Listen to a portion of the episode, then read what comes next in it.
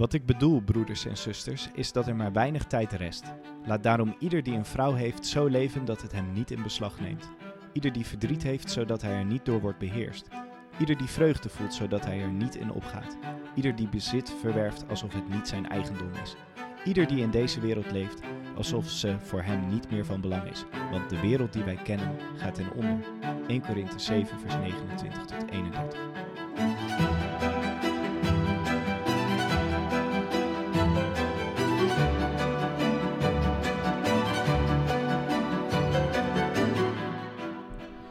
Zusters, broeders, heidenen en alles daartussenin, van harte welkom bij de zevende aflevering Vrome Praatjes. Een podcast voor zoekende christenen en onchristelijke zoekers. Deze week gaan Bart en Koen settelen. Na het christelijk onderwijs en het studentenleven is het tijd voor dat rust, reinheid en regelmaat. We spreken over de druk om het huwelijksbootje in te stappen, fantaseren over de vele vrouwen van onze geloofshelden, maar settelen niet wat betreft de locatie van hun woning. Dit waren, zijn en worden Vrome Praatjes.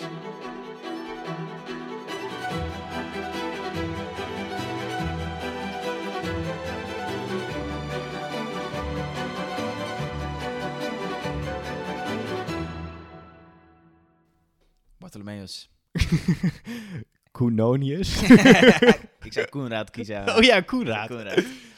Goedenavond. Goedenavond. Ach, Goedenavond, goede ochtend, goedemiddag. Hangt vanaf Oh ja, wanneer de luisteraars oh, oh, luisteren. dat- ja, slim.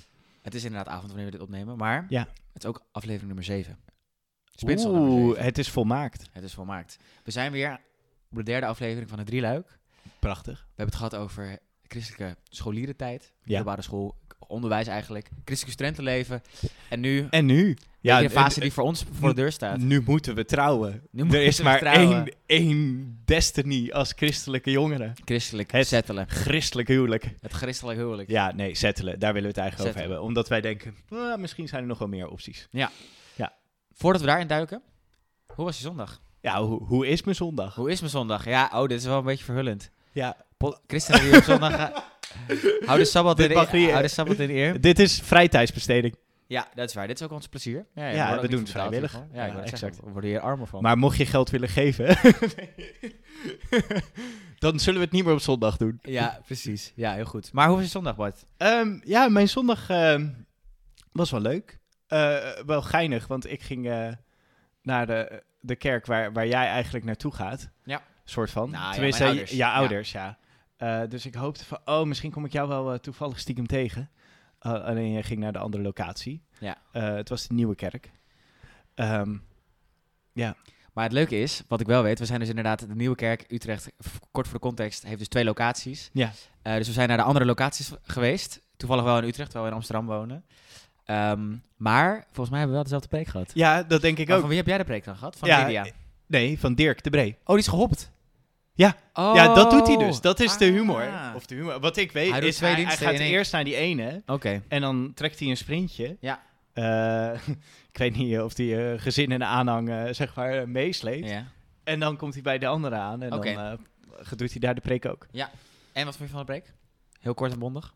Nou, hij ging dus Kikker voorlezen. Het Ja. verhaal van Kikker. Ik ben er echt Over- opgegroeid. op Ja, boeken. ja, ik ken het ook. En dat vond ik heel erg grappig.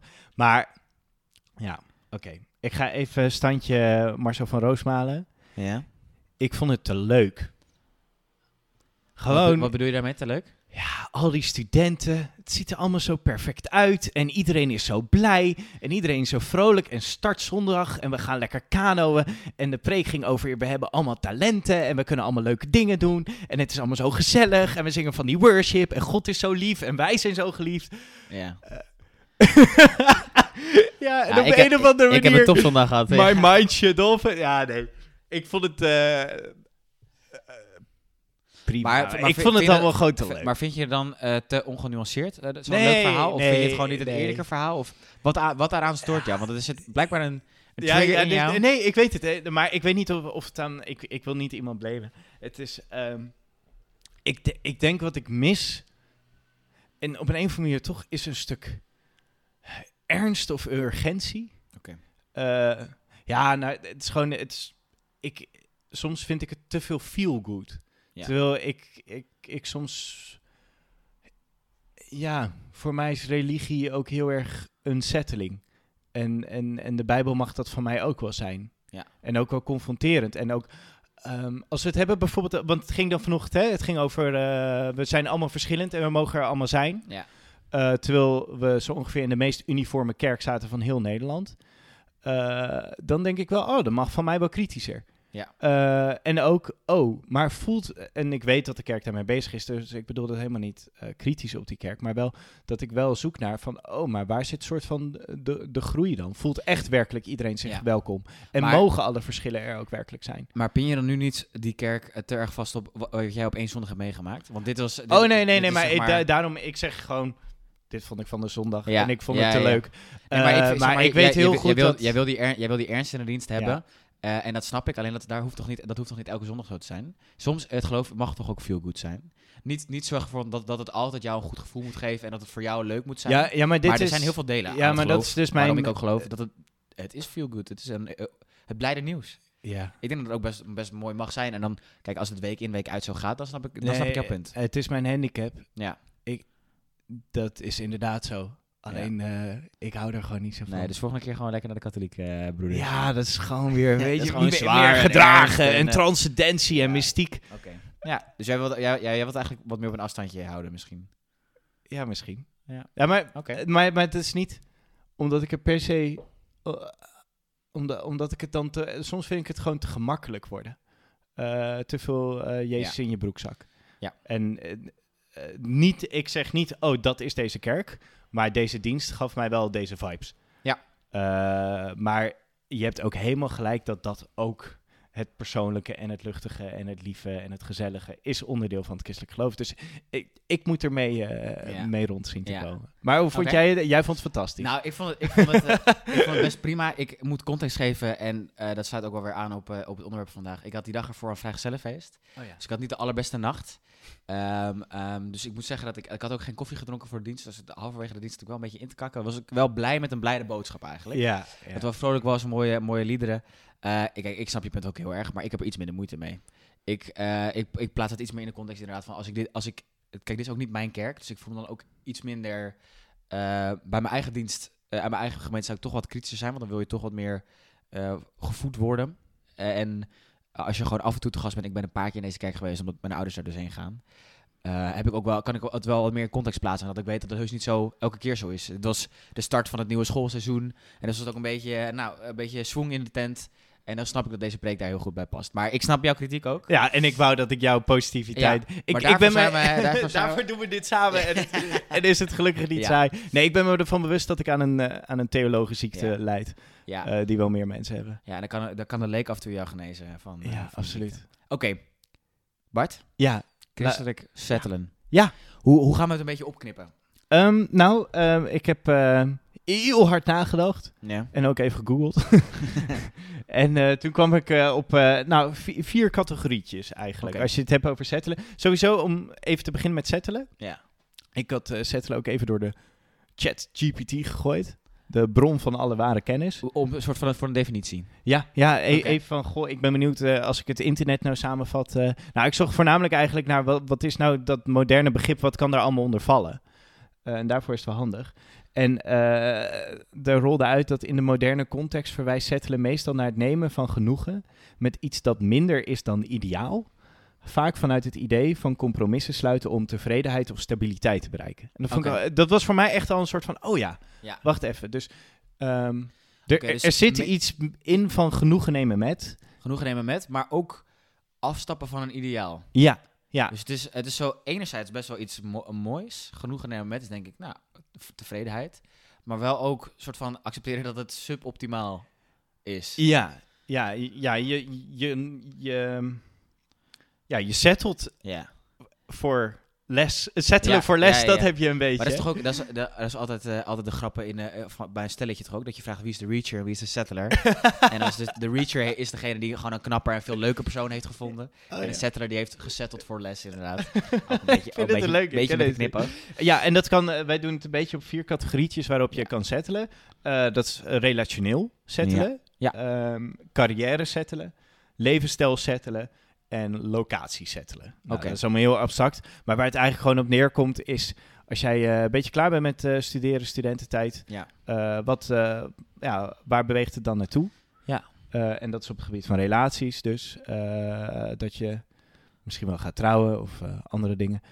Carrière, je krijgt een baan. Ja. Je levensstijl, je wordt een burger. En eh, locatie, ja, je gaat echt ergens wonen. Ja, en ook wel met het idee... kweken. Ja, ja, ja, je gaat Ja. een thuis creëren. En dat is echt een andere levensfase. Ja. En nou, de humor is een beetje, Koen, dat eh, ik en ik denk ook wel jij een beetje in die fase zijn aanbeland. Ja, ouwe. Hoe, eh, hoe voelt dat? Ik weet niet. Ik denk dat dat... In, de in je studententijd is het natuurlijk altijd... Ah, burger, ah, bla, bla, bla, bla, bla. ja. En ehm, dat is een soort van ingesleten bij mij. Ook dat ik dat Alle afschuw voor burger dat. worden. Ik kan niet een soort van vol vreugde zeggen... Ah, ik word burger. Terwijl als ik soort van uitzoom, dan denk ik... Ja, joh, ik heb zes jaar gestudeerd. Ik heb daar echt van genoten. Ik was helemaal klaar met tentamens, met scripties. Die kwamen mijn strot uit. Ehm, ik begin steeds meer te houden van inderdaad wat simpele dingen die mij blij maken. Dus ik merk ook wel inderdaad dat ik gewoon... Oké, nou, we, gaan, we gaan werken. Er komt een beetje ritme in mijn leven. Ja, ik, ik weet niet of ik het per se erg vind. Er, gaan, er zijn dingen die je moet inleveren die je voorheen had. Zoals? Ehm, ik denk het grootste is gewoon flexibiliteit. Gewoon grip op je eigen agenda. Ja. Ik denk dat dat gewoon... je kunnen chillen met mensen overdag. Dat je zegt, ja, laten we even gaan lunchen of koffie drinken of wat dan ook. Ja, dat kan nu wel, maar je moet dan, Ja, met je altijd gebonden aan een eindtijd. Ja. Of, of gewoon ehm, per ongeluk tot drie uur s'nachts op de borrel staan. En ja, dan de volgende dag ben je minder productief. Nou ja, ja dan ga je, niet naar college. Of dan ga je wel naar college en dan is dat het enige wat je op een dag doet. dus ik denk wel gewoon eh, flexibiliteit qua in kunnen plannen wat je wil, maar ook een soort van fout, fout kunnen maken. En dat het eigenlijk niet echt een fout is, want ja, who cares? Ja. En dus dat ga ik denk ik wel missen. Maar bij jou dan, ja, voor jou gaat, gaat het ook een beetje Ja, het voelt wel zo anders? Eigenlijk. Ja, ja. Wat, wat aan jouw leven nu maakt dat het als settelen voelt? Nou ja, ik ga dus gewoon werken. Ja. Eh, en ook, e- nou, het is echt mijn eerste. Gewoon, ik, ik heb wel betaalde banen gehad, zeg maar. Ja. Eh, en ook al, al wel een vast contract. Maar dit is wel voor het eerst echt serieus. Ik ga dan werken als eh, fractiemedewerker in het Europees Parlement. Ja. Ehm, voor een politieke partij. Eh, en daar doe ik heel geheimzinnig over welke dat is. en eh ja, Pieter dat, Omzicht. in het Europees Parlement. ja, who cares? Let's go, ja. En ehm, ah, het voelt gewoon serieus. Je stapt echt een werkomgeving in waar allerlei professionals zitten. Ja. Eh, van jonge mensen die ook net starten, net als ik, tot aan echt nou, klasbakken van topmensen die aan het hoofd staan van, van agencies en, en, en commissies en Ja. weet ik het al niet wat. Ja. Waar ik echt wel een beetje naar kijk van, poh, Ja, die, de- zeg maar... er wordt, ook naar, wordt, er wordt langzaam steeds ook meer naar jou op die manier gekeken. Hè? In de zin van vroeger was nog het studentje die misschien Ja. als stagiair of als parttime eh, werkende dat kon. En nu ben jij gewoon één van de professionals. En wordt dat ook misschien wel een beetje verwacht. Ja, je, je krijgt van... Nou, dat is het. Ik krijg een verantwoordelijkheid. Ja. En al, dat vind ik een beetje... Kijk, als je student bent of stagiair, je loopt mee. ja. Eh, het verschil is nu, als ik het niet doe, dan doet niemand anders het. Het is mijn verantwoordelijkheid. ja. Dus dat, is Eh, misschien wat groot verschil. Ja, dat, eh, en daar heb Ja. ik, dat vind ik aan de ene kant super kicken, Ja. maar aan de andere kant ook wel een beetje scary. Ja. Want je, zeg maar, ja, als student of als stagiair kan je toch makkelijker een fout maken. Ja. Ja, en Ja. dan is het gewoon balen, maar daar leer je van, dat hoort bij de stage. Ja, ja, Ja. Maar oké, oké. Bart, dus, dus wij, zijn, wij zijn allebei aan het settelen. Dus eigenlijk is deze podcast vooral een beetje een soort van introspectie en ook een klein beetje vooruitblikken van, oké, komende...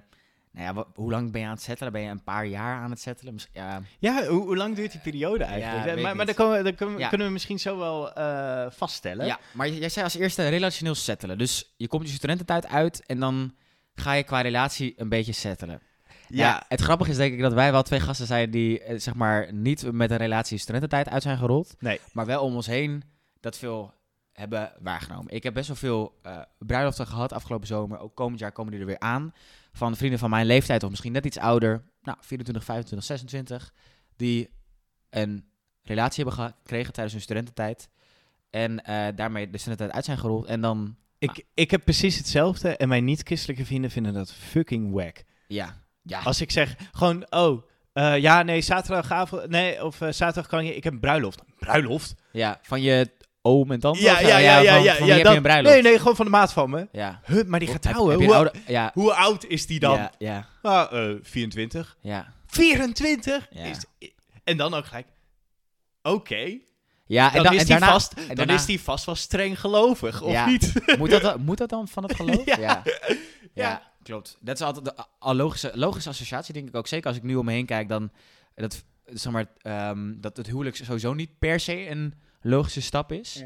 Eh, en dat dan wat het logisch is, is misschien gewoon een soort van een lange termijn commitment naar je partner uitspreken. Van nou, ik wil wel echt met jou wat... Ja, ik vind lange Zijn- termijn nog wel heel... eh Ja, tot de dood, hè? ja, tot de dood. Ja, maar dus nou, ik zit te zoeken naar dichtstbijzijnde alternatief. Oh ja, Zeg maar dat mensen een soort van... geregistreerd partnerschap. Nou ja, dat Ja. misschien. Of, of kinderen krijgen met elkaar. Dat kan Ja. ook. Samenwonen. Ja.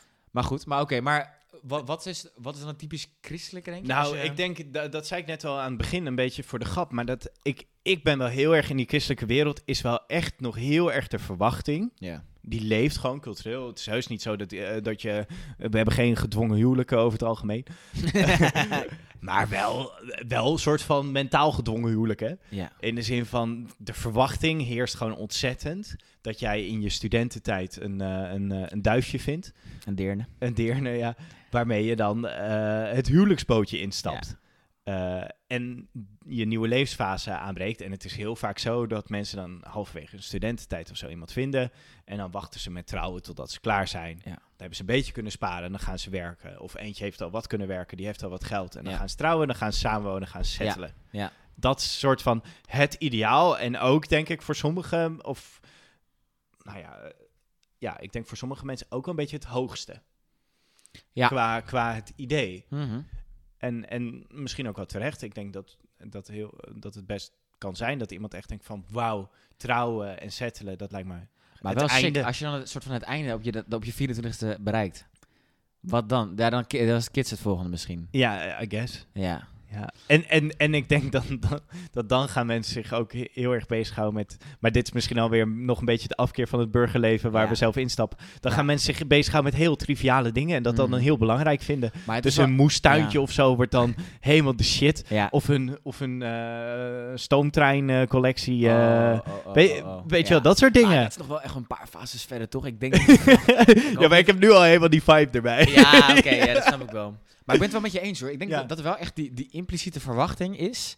Dat eh, inderdaad, nou ja, maar, nou, ik, ik weet niet per se of er een verwachting is dat je in je studententijd een relatie krijgt. Dat gebeurt gewoon veel, omdat dat een periode is dat je daar een beetje mee bezig bent. Maar dat het wel zo is dat, nou, op een gegeven moment, zodra je een beetje drie-ish jaar een relatie hebt, drie, vier jaar, dat dan toch wel mensen gaan vragen, nou, eh, ga je binnenkort op de knie? Eh, Oftewel, komt er nog wat Komt van? er, zeg Oh, maar- het is nog niet daar. Nee, nee, nee. En, en dat het is is wel... niet genoeg. Het is een soort van een. Het moet een tijdelijk iets zijn. Het is niet dat je een soort van de komende tien jaar deze status van de relatie behoudt. Nee. Terwijl Er wordt- buiten de christelijke wereld... Als je gewoon vriend en vriendin Ja. bent, ja, fijn, Ja. weet je wel. Ja, nee, maar heel veel, men, heel veel eh, eh, mensen die ik ken die eh, niet christelijk zijn, die is het gewoon, ja, ja, wat is het? Ja, ja we zijn exclusief. Ik vind Ja. dat, dat vind ik al een ziek slap eh, aftreksel van, eh, van, een, eh, van gewoon een relatie hebben. Ook een beetje uit angst om een soort van commitment uit te spreken. Maar het is gewoon, ja, nou, we zijn, Ja, zijn in principe exclusief. ja. En we hebben het gewoon nu leuk samen. partners. We zijn gewoon partners, ja. En Ja. soms, wordt het, soms durven ze het verkering te noemen. Ja, Vriendje, vriendinnetje. Maar dat, dat, dat, eigenlijk is dat al een beetje... ehm, al best al Want, best ver. want vaak hebben mensen ook al wel kinderen met hun vriend of vriendin. Zeker, Ja. zeker, zeker. Dus, dat, dus dat, dat huwelijk is inderdaad echt iets van... Nou, oké, je hebt drie, vier jaar een relatie. Nou, dat zal het wel serieus zijn op onze leeftijd, hè. Maar Maar dat, eh, Ja, maar dat komt er dus vandaan, na denk, ik, denk ik, dat natuurlijk het huwelijk ook heel erg wordt gezien als een christelijke instelling. ja. Als, als, sterker nog, als, als een goddelijke Maar instelling. z- gezi- oh, gezien door christenen of door bu- buitenstaanders? Eh, Als- nou, sowieso door bij, bij- gewoon algemeen in de wereld wordt het huwelijk wel gezien. Eh, De christenen hebben het wel een beetje een soort van eh toegeëigend. Nou, ik, denk dan meer religieus ook, toch? Want ik denk dat heel veel delen van de wereld het wel ja, ja, dat, dat, dat, onderdeel van de religie dat is. zeg maar... je heel goed. Want dat, dat is eigenlijk ook al wel precies een beetje mijn punt. Ehm, of, want ehm, het, eh, de, de Bijbeltekst die heel erg eh erbij wordt gezien is ook eh, in Genesis 2, dus al het tweede hoofdstuk van de Bijbel. Ja.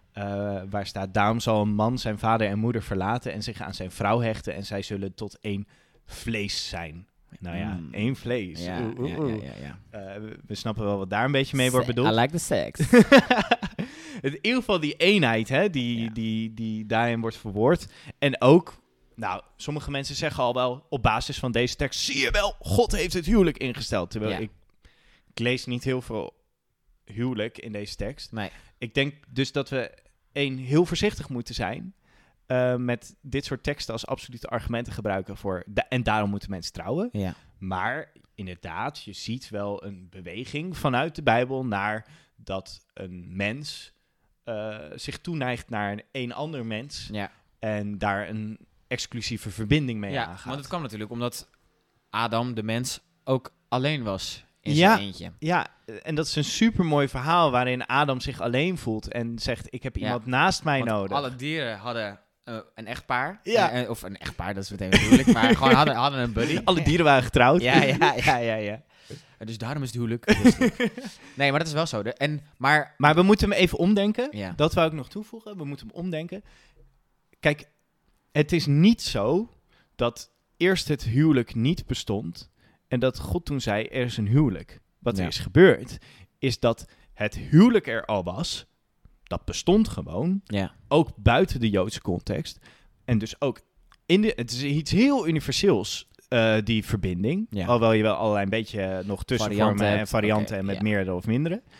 Ehm, Nou ja, dat, daar kan de Bij- Bijbel ook nog wel wat over vertellen. Ja. oh, ze- zeker, de Bijbel doet daar rustig aan mee. ja. Eh, en dat in die Joodse context men betekenis gaf aan dat culturele fenomeen. ja. door daar een goddelijke lading aan te geven. En je ziet dat ook heel erg Ja. in andere religieuze tradities. Dat is helemaal niet iets exclusief christelijks. Maar dan is dat, dat is wel is- gebouwd op het, het geloof dat God dat wel heeft eh, ingegeven.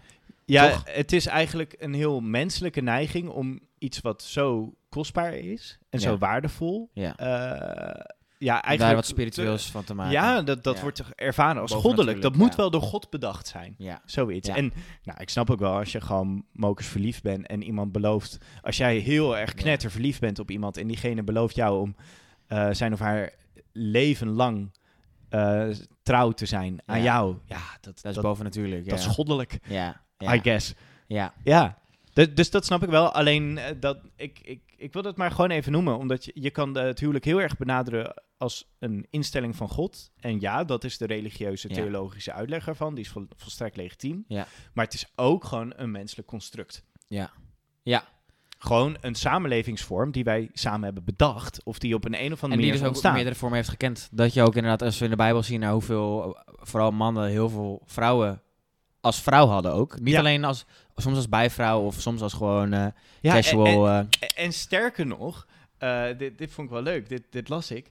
Zelfs tot in de 15e eeuw, eh, toen een een of andere landheer eh, aan Maarten Luther, zeg maar, eh, die ging naar Maarten Luther toe en die, die klaagde tegen hem. Want die zegt, ja, ik, mij is een vrouw toegeschoven, daarmee moet ik trouwen, maar ik vind haar gewoon lelijk. Wat moet ik hiermee? ja. Want hij zei eigenlijk, ja, ze is zo lelijk, dit drijft mij tot overspel. Wel heel, heel eerlijk. Wel Ja. heel eerlijk. En weet je wat het advies was van Maarten Luther? Ja, neem er nog één. Dan trouw je ook nog met een ander. Ja. In plaats van dat je overspel pleegt, nou dan is Ja. het beter dat je ook nog met een ander. Ik vind dit soort dingen altijd zo interessant, omdat sommige dingen zo erg duidelijk christelijk voor mij voelen. En dat ook monogamie zo duidelijk soort van, ja, dat, dat, dat hoort gewoon bij de traditie. En dat, daar is, dat is helemaal niet per se iets christelijks aan. Nou ja, als je nu bijvoorbeeld wel ziet welke, super welke de neiging die er is binnen de christelijke wereld om toch moeite te hebben met mensen die met meerdere partners trouwen. Ja. Ja, moeite Ma- hebben, ma- dat, kan, dat mag helemaal niet. Ma- mag ik het zeggen? Vind ik een beetje hypocriet. Ja. Of ik geloof wel dat ze er moeite mee kunnen hebben. Alleen als je het doet op grond van de christelijke traditie en, en de Bijbel, dan denk ik toch, ja, wacht even. Wacht even. Nu ben je echt wel heel Ja. selectief bezig. Salomo was best een wijze gast. Ja. ja, Nou, maar, bij ook, nader inzien. nee, maar David had ook meerdere vrouwen. Ja, tuurlijk. Het was, en Abraham had ook meerdere vrouwen. ja. Ja. En in het Nieuwe Testament wordt er nog gesproken over het Ja, leviratiehuwelijk. Isaac, Jacob, die Oh, hele... ja, alle- ja, maar alle- ook in het Nieuwe Testament nog Ja. over leviratiehuwelijk als een, ge- eh, ge- ehm, zeg maar als een eh, geaccepteerde vorm van huwelijk. Dat jij als, als jouw broer stierf Ja. en de vrouw van je broer die had nog geen kinderen gehad, dan nam jij die vrouw over Ja. om daar nog, eh, ki- eh, om, ja. om nog kinderen te produceren. Dat was nog, Jezus accepteerde dat. Ja. ja, grappig. Maar En, goed, en, nou, even om het nog dat persoonlijk te trekken, omdat nou, wij zitten allebei nog niet, nog niet in een huwelijk. Ik zeg ook meteen nog niet trouwens, dat is ook grappig. ja. Dat gaat komen. Heb jij... ja, gaat het komen? nou Wil jij trouwen? Ooit? Mag ik mijn vraag eerst stellen? Nee. Ehm, nou, ik, ik denk het, maar ik heb niet, in deze, deze casus heb ik niet het gevoel dat ik zou willen settelen. Het komt denk ik omdat ik, ik denk dat ik zelf redelijk een autonoom iemand ben, dus ik vind überhaupt vind ik relatie af en toe wel ingewikkeld, omdat het gewoon, voor mijn gevoel, je leeft wat in op een bepaalde fronten van je leven. En dus moet ik gewoon echt een hele nice partner tegenkomen, wil, wil ik daar, zeg maar dat ik echt denk, let's go, hier, hier, wil ik, echt mijn leven lang maar hier wil ik mijn autonomie voor inleveren. Ja. En dat, kijk, dat is natuurlijk ook een relatiewerk, dat je met liefde dingen inlevert, denk ik. Ehm, alleen, ehm, per se trouwen. Ik denk, nou ja, ik denk wel dat er, dus in mijn omgeving zit die verwachting er wel. En ik denk dat het jezelf ook makkelijker maakt. Ik denk op een gegeven moment, als je richting ehm, de, nou laten we zeggen 30, 35 gaat. En dus is nog geen huwelijk dan, in... dan, dan, Dan, worden- dan, dan gaat het toch wel een beetje. eh, Oh, nou, en die Koen, eh, dan gaat hij nog wel een keertje eh, Maar dat is ook, soms vind ik dat ook wel zielig. Want soms zie je ook dat fenomeen dat mensen echt op hun 28ste, 29ste helemaal in slaande paniek raken. Alle ja, want, datings kut, apps. Ik dacht dat ik met mijn derde. Maar ik heb dat ook, al, want mijn ouders zijn getrouwd toen zij 27 en 29 waren. Oh, je hebt het nu al, die paniek. Nee, nee, nee, dat heb ik niet nu. maar ik heb dus wel al in mijn, he- soort van in mijn, Ja. in mijn hele leven denk ik wel, oh ja, ik trouw, trouw tegen die tijd. Nou, dat heb ik nu is dat nog haalbaar. zeg maar, nu, zeg maar, ik ben Ja. 23, ik heb nog 4 tot 6 jaar. Ik kan prima in die tijd eh, iemand vinden en dat halen. Maar ik denk wel, stel dat ik die 29 voorbij ga, dat ik dan op een gegeven moment toch wel achter mijn oren ga krabben. Oh, dit is niet wat ik in mijn hoofd had. Ehm, en dat heb ik in mijn hoofd omdat ik dat gewoon zoveel om me heen zie en dat dat heel normaal is, denk ik. Ja. En daarvan loskomen is gewoon heel ingewikkeld. Ja. Maar en welke vraag wou jij stellen? nou, ik wou, ik wou gewoon vragen voor jou. Heb je wel eens, zeg maar, in, in de tijden van single zijn, heb je, voel je dan wel ook druk om een soort van naar een relatie toe te werken? Zeker, jij bent natuurlijk ook al een jaar ouder dan ik. Dus- Zoveel meer levenservaring. Koen, jongen. nee, nee, nee, dit is een tikkende tijdbom bedoel ik meer. Koen, Jij we gaan er eens voor zitten. Ik Nee. zal het jou eens uitleggen ja, hoe, hoe de precies. vork Ja, in de stil zit. ja, ja, ja. Zo gaat het piemel hier. Nee, nee maar, nee, maar ik bedoel helemaal niet als meer ervaring, want dat zie je dat helemaal. Nee, nee eh, absoluut Nee, wel. nee, maar, eh, maar ik snap denk ik wel welke kant je op wil. Eh, dus ik geef maar gewoon een antwoord waarvan ik denk dat is ongeveer wat je wil horen. dat is precies wat ik wil. Ehm, ik, heb, ik heb al een, een lange relatie gehad, eh 2,5 jaar. Eh, wat ook vrij intensief was. En ook, nou, we, we hadden het niet over verloven of trouwen per se, maar het was, het was wel vrij serieus allemaal.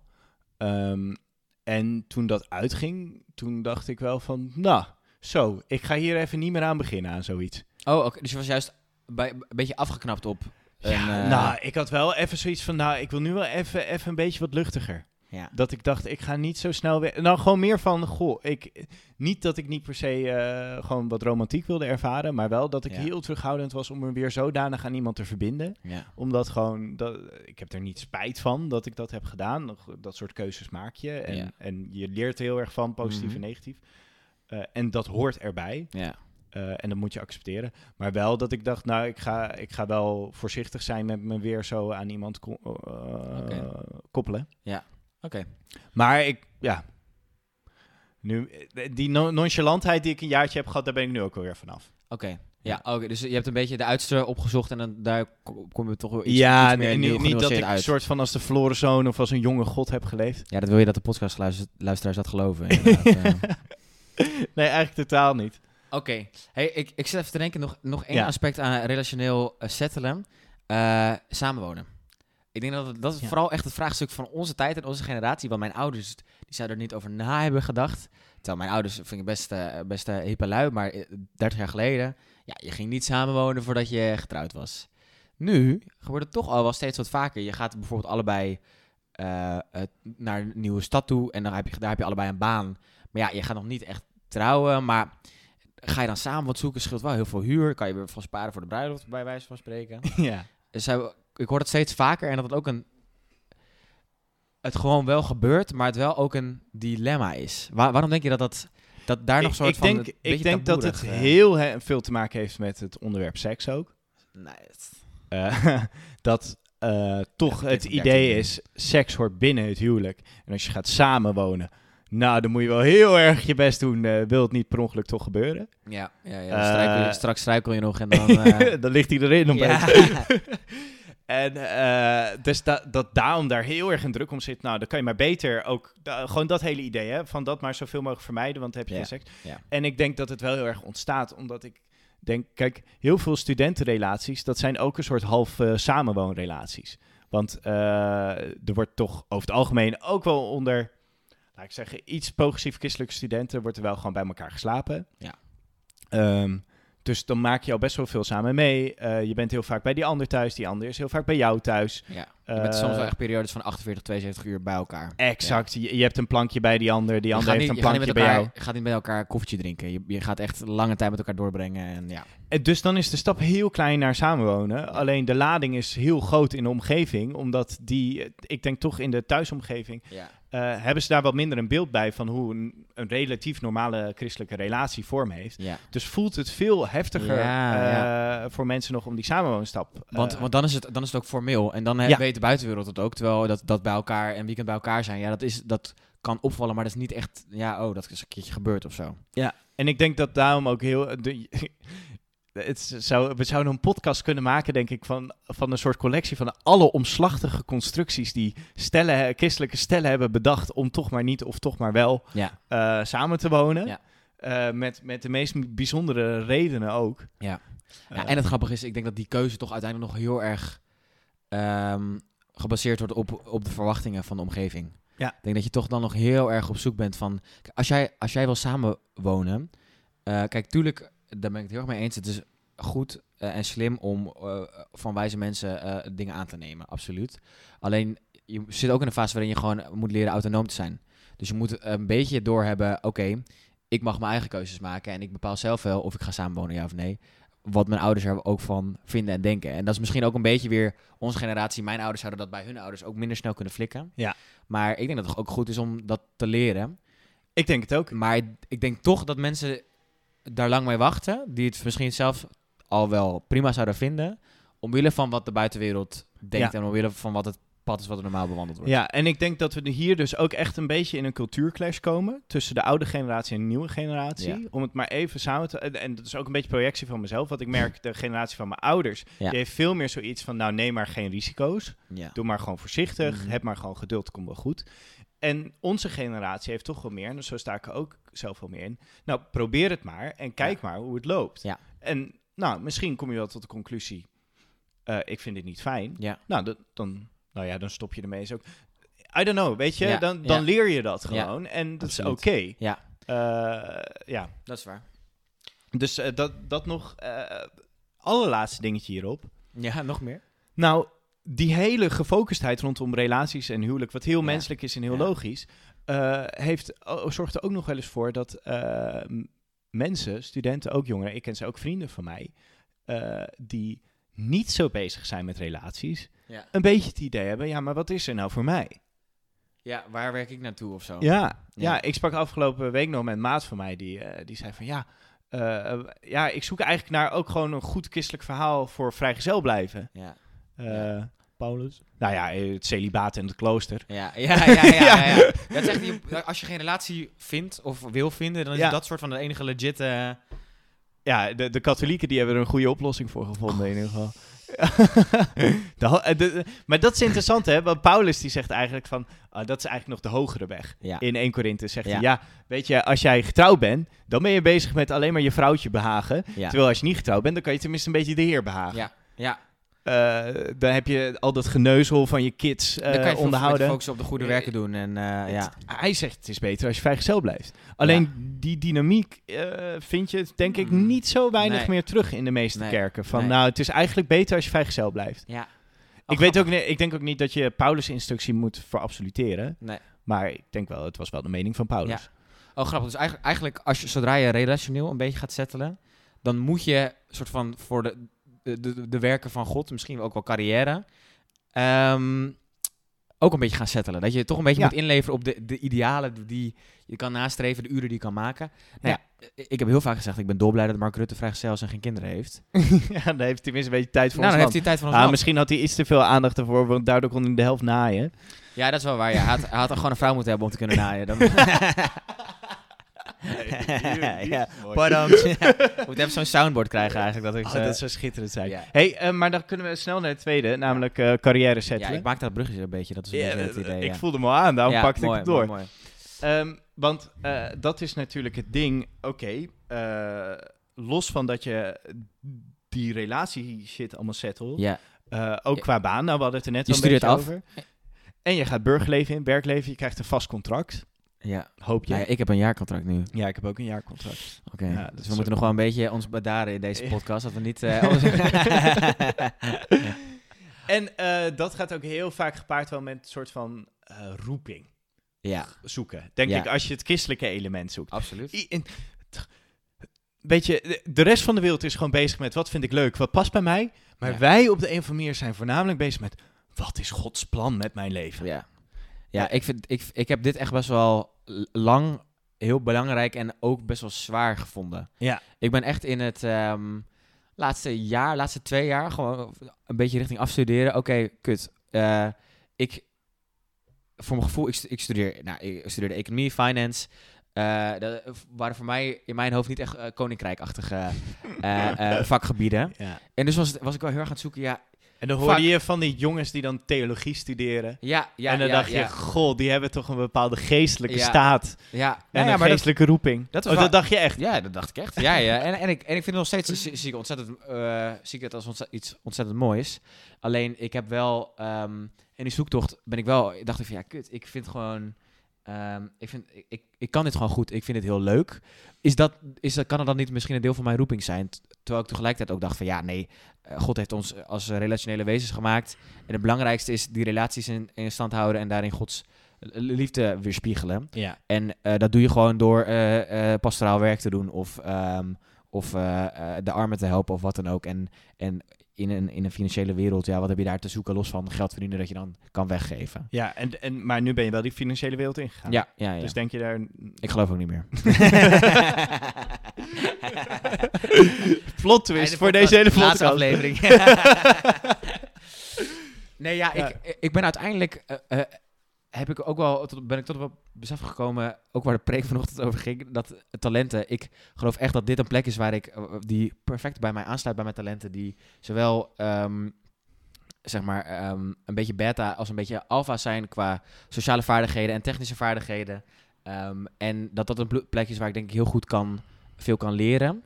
Alleen ik heb dan toch, zeg maar, ik heb hiervoor gekozen omdat het ontzettend eh, mooie springplank is.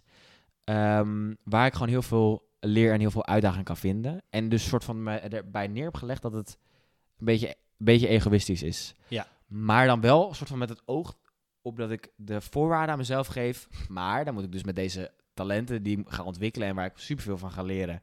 En ook heel veel mensen van ga leren kennen.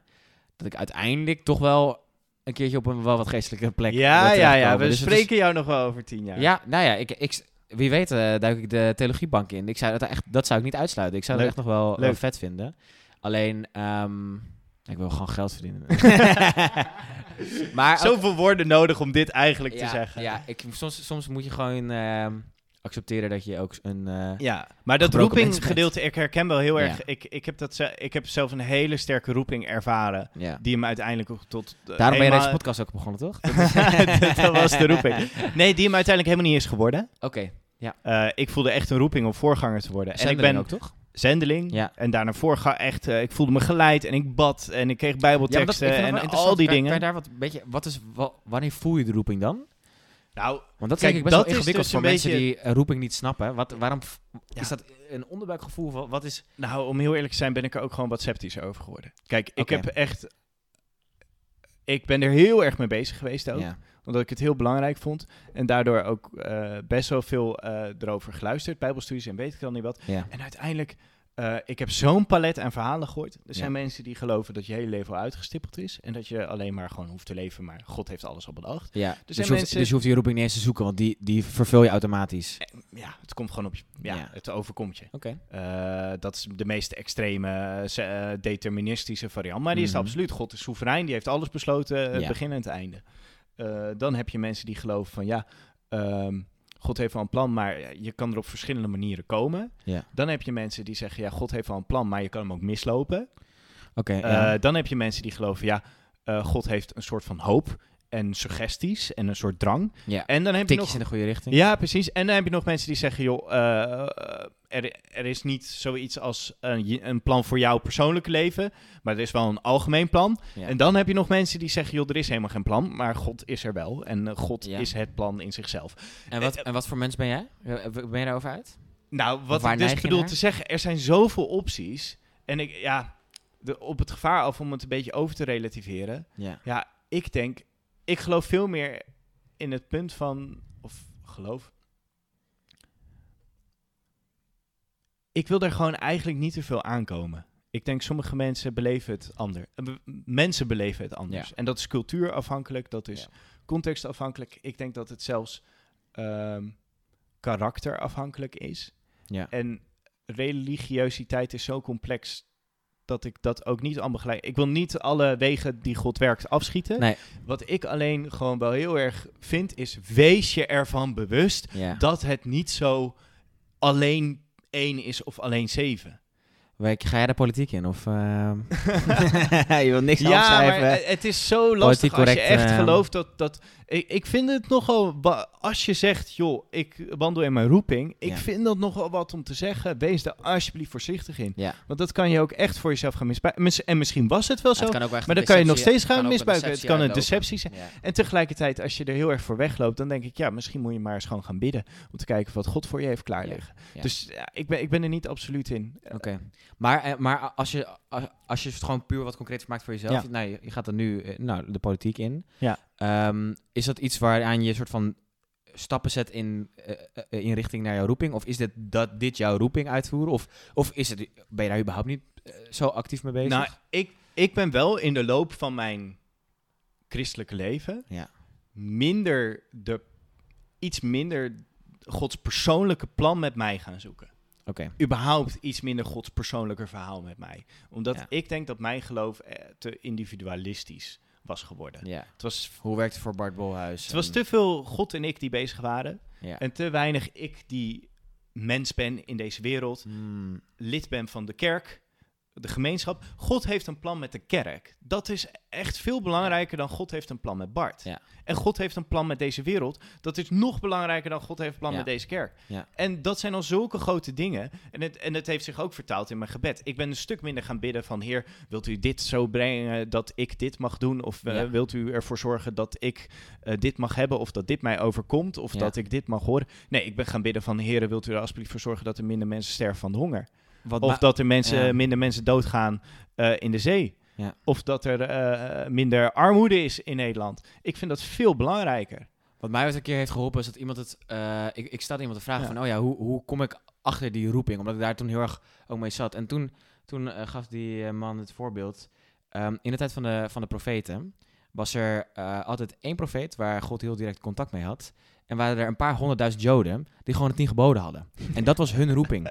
Ga maar gewoon mens zijn. Wees bakker, wees visser, wees timmerman. En wees daarin soort van christen en, en, en deel uit van de gemeenschap inderdaad.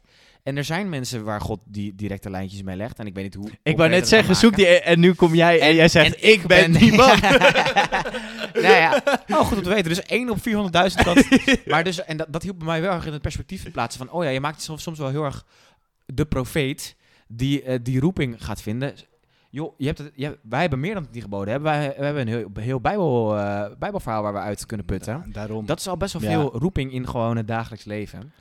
En nou ja, goed. Ik denk dat wij dan ehm, qua, qua settelen dan niet per se qua ehm, roeping settelen, maar wel wat meer settelen qua het idee dat er een concrete roeping is. Als meer dat wij gewoon ook soort van proberen christen te zijn en daarmee bouwen aan het, het koninkrijk, het, Gods liefde verspreiden. ja. Ehm, ja, ik geloof, ik geloof misschien nog veel meer in de concrete roeping. Dat jij opeens ergens staat of ergens bent en echt jezelf gedrongen voelt tot eh, het ontfermen over iemand. Voor, voor iemand te bidden Ja, of ehm, eh, iets goeds te doen. ja. Eh, heel concreet op een moment een ingeving en dat kan zeggen, oh, dat is eh, Ja. God die jou roept. Ja. Eh, maar dat hele grote levensplan en zo, pff, Hm. weet ik veel. Oké, Eh, ja, we als, moeten als, door. als laatste Ja. ben ik hier, want zeg maar, ehm, ik ga dan een beetje de, de consulting in, dus dat is een beetje de plek van waar veel geld eh, de verleiding is. Jij gaat politiek in, dus macht. Ja. Vooral de uitdaging. Is dat iets waar wij voor moeten waken als christenen in die wereld, denk je? Ja, absoluut. Maar ik zou juist eigenlijk willen dat christenen weer veel meer gewoon daarin stappen. Oh, eh, hoe bedoel je dat? Dat wij gewoon dat de kerk weer macht krijgt en dat. Nou, en, ehm, wat ik wel mooi vind aan soms eh, zonder partijpolitieke reclame te willen doen. Bij de ChristenUnie is wel soms het mantra van ja, eigenlijk voelen wij ons ongemakkelijk bij macht. Ja. Ehm, maar we zitten wel in het midden van de macht. Ja. En ik Twee denk. kabinetten gepakt. ja, we hebben heel veel macht gehad. Mhm. Eh, ook niet altijd een goede, helaas. Maar mensen hebben hun best gedaan.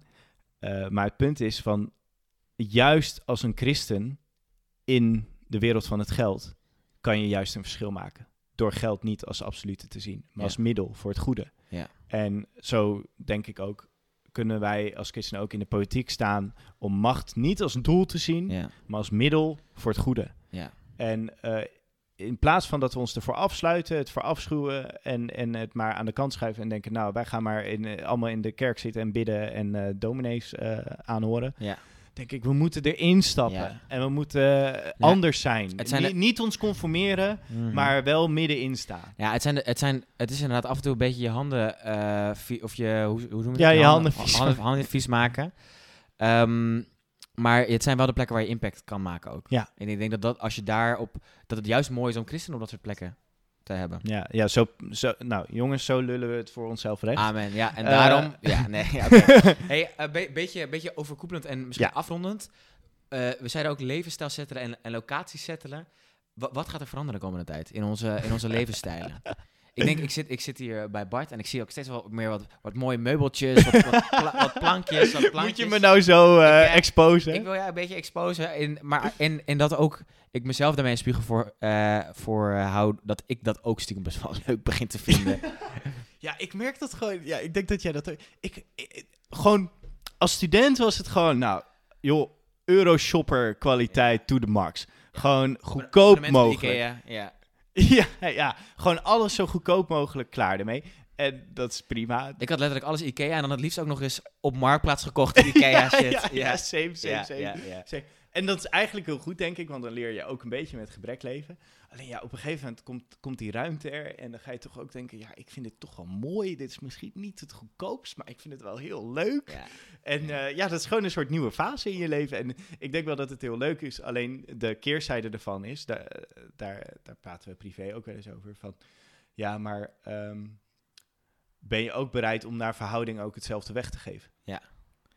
Ja. En, en ga je niet toch te veel aan je, aan je spulletjes? Want Ja. opeens heb je bezit. Ja. En het is eh, Nou ja, juist wel heel goed voor een mens om weinig te bezitten. Ja, maar en dat was natuurlijk het lekkere, dat je, je vond het helemaal niet leuk, maar dat kwam ook dat je helemaal niet de luxe had om dat leuk te vinden. Nu kom je op een plek waar er inderdaad iets meer eh, verdiend wordt en dan is de verleiding ook veel groter om te zeggen, ja, ik kan nu die mooie tafel kopen of die duurdere fiets kopen, omdat ik dat gewoon...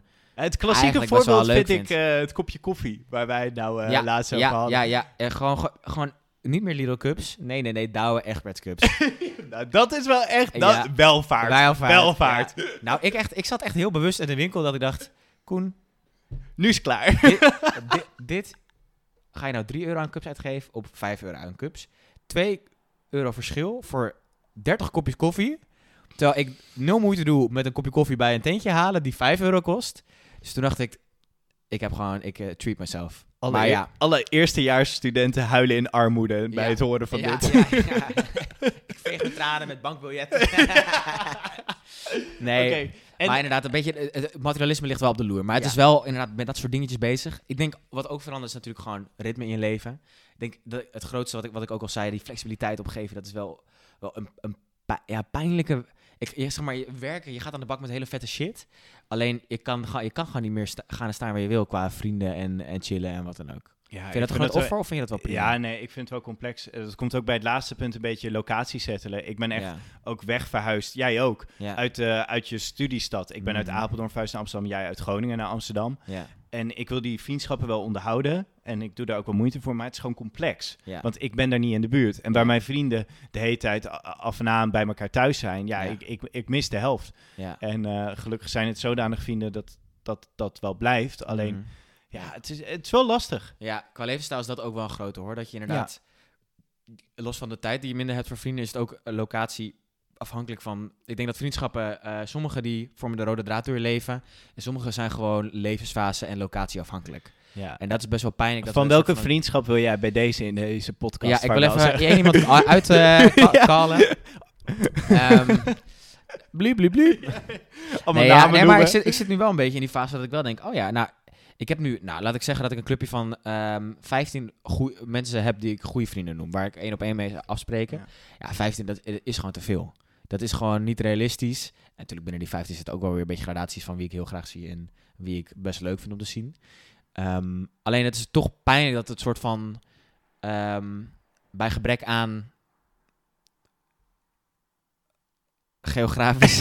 ik zit totaal, totaal te choke op. Bij gebrek aan dichtbij. Bij gebrek- pro- proximity. Ik zoek naar het Nederlands woord van proximity. Dichtbijheid? Dichtbijheid, ja, dat Ja. is toch niet een woord? Ja, ja, ja. Oké, nou goed. Bij gebrek aan dichtbijheid. Nabijheid. Nabijheid. Zo, Oh, mooi, hebben mooi, we mooi. toch weer gefixt. Mooi. Ehm, zo, dat is echt een brain fart.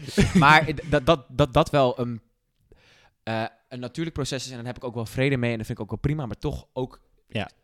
Het voelt toch ook pijnlijk. Ik denk dat ik voor het eerst be- wat bewuster vriendschappen laat gaan. Ehm, waar ik dat voorheen in mijn leven toch dat wat natuurlijker maar verliep. zou- zouden wel mensen zeggen tegen jou, maar Koen, wat bezielt je eigenlijk dan om in Amsterdam te gaan settelen? Want Ja, daar wil je sowieso Amsterdam, niet- jongen, dan kom je erachter. Fucking leuke stad. Dat vertel ik ook aan iedereen. Iedereen die hier komt, die vindt het... Nou ja, Zullen- zullen, we dan maar gelijk doorgaan naar de Nou conclusie? ja, we, we zeiden zeg maar, op sommige dingen moet je zetten in het leven, maar ik vind locatie moet je niet opzetten. Je moet gewoon echt, oh, zeker in deze levensfase, eh, kijk Amsterdam is niet betaalbaar qua kopen, dat snap ik ook heus wel. Ja. De- zeg maar, voordat ik in Amsterdam kan kopen moet ik 20 jaar werken, denk ik. Alleen, ehm, ik vind, als ik, ik ben al bepaalde dingen eh, aan het settelen en nou, dan dat weg van het ideaal, nou, misschien, ja, misschien.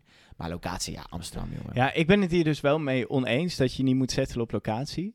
Omdat wij zijn in mijn kindertijd en mijn tienertijd, ik ben onwijs veel verhuisd. Ja, nou, dat merk je nu ook wel. Nee.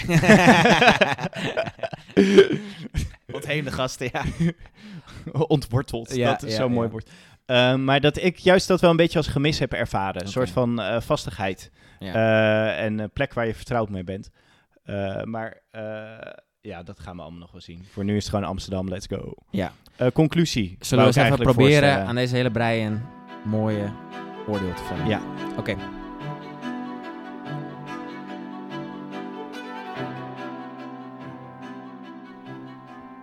Ja, we hebben ons even lopen beraden en we zijn op een, ja, ik, ik moet wel zeggen, een soort preekachtige conclusie. eh. Ja. Het voelt als een gereformeerde conclusie. ja, maar we hebben geen drie punten, maar we hebben twee punten. Ja, maar settelen.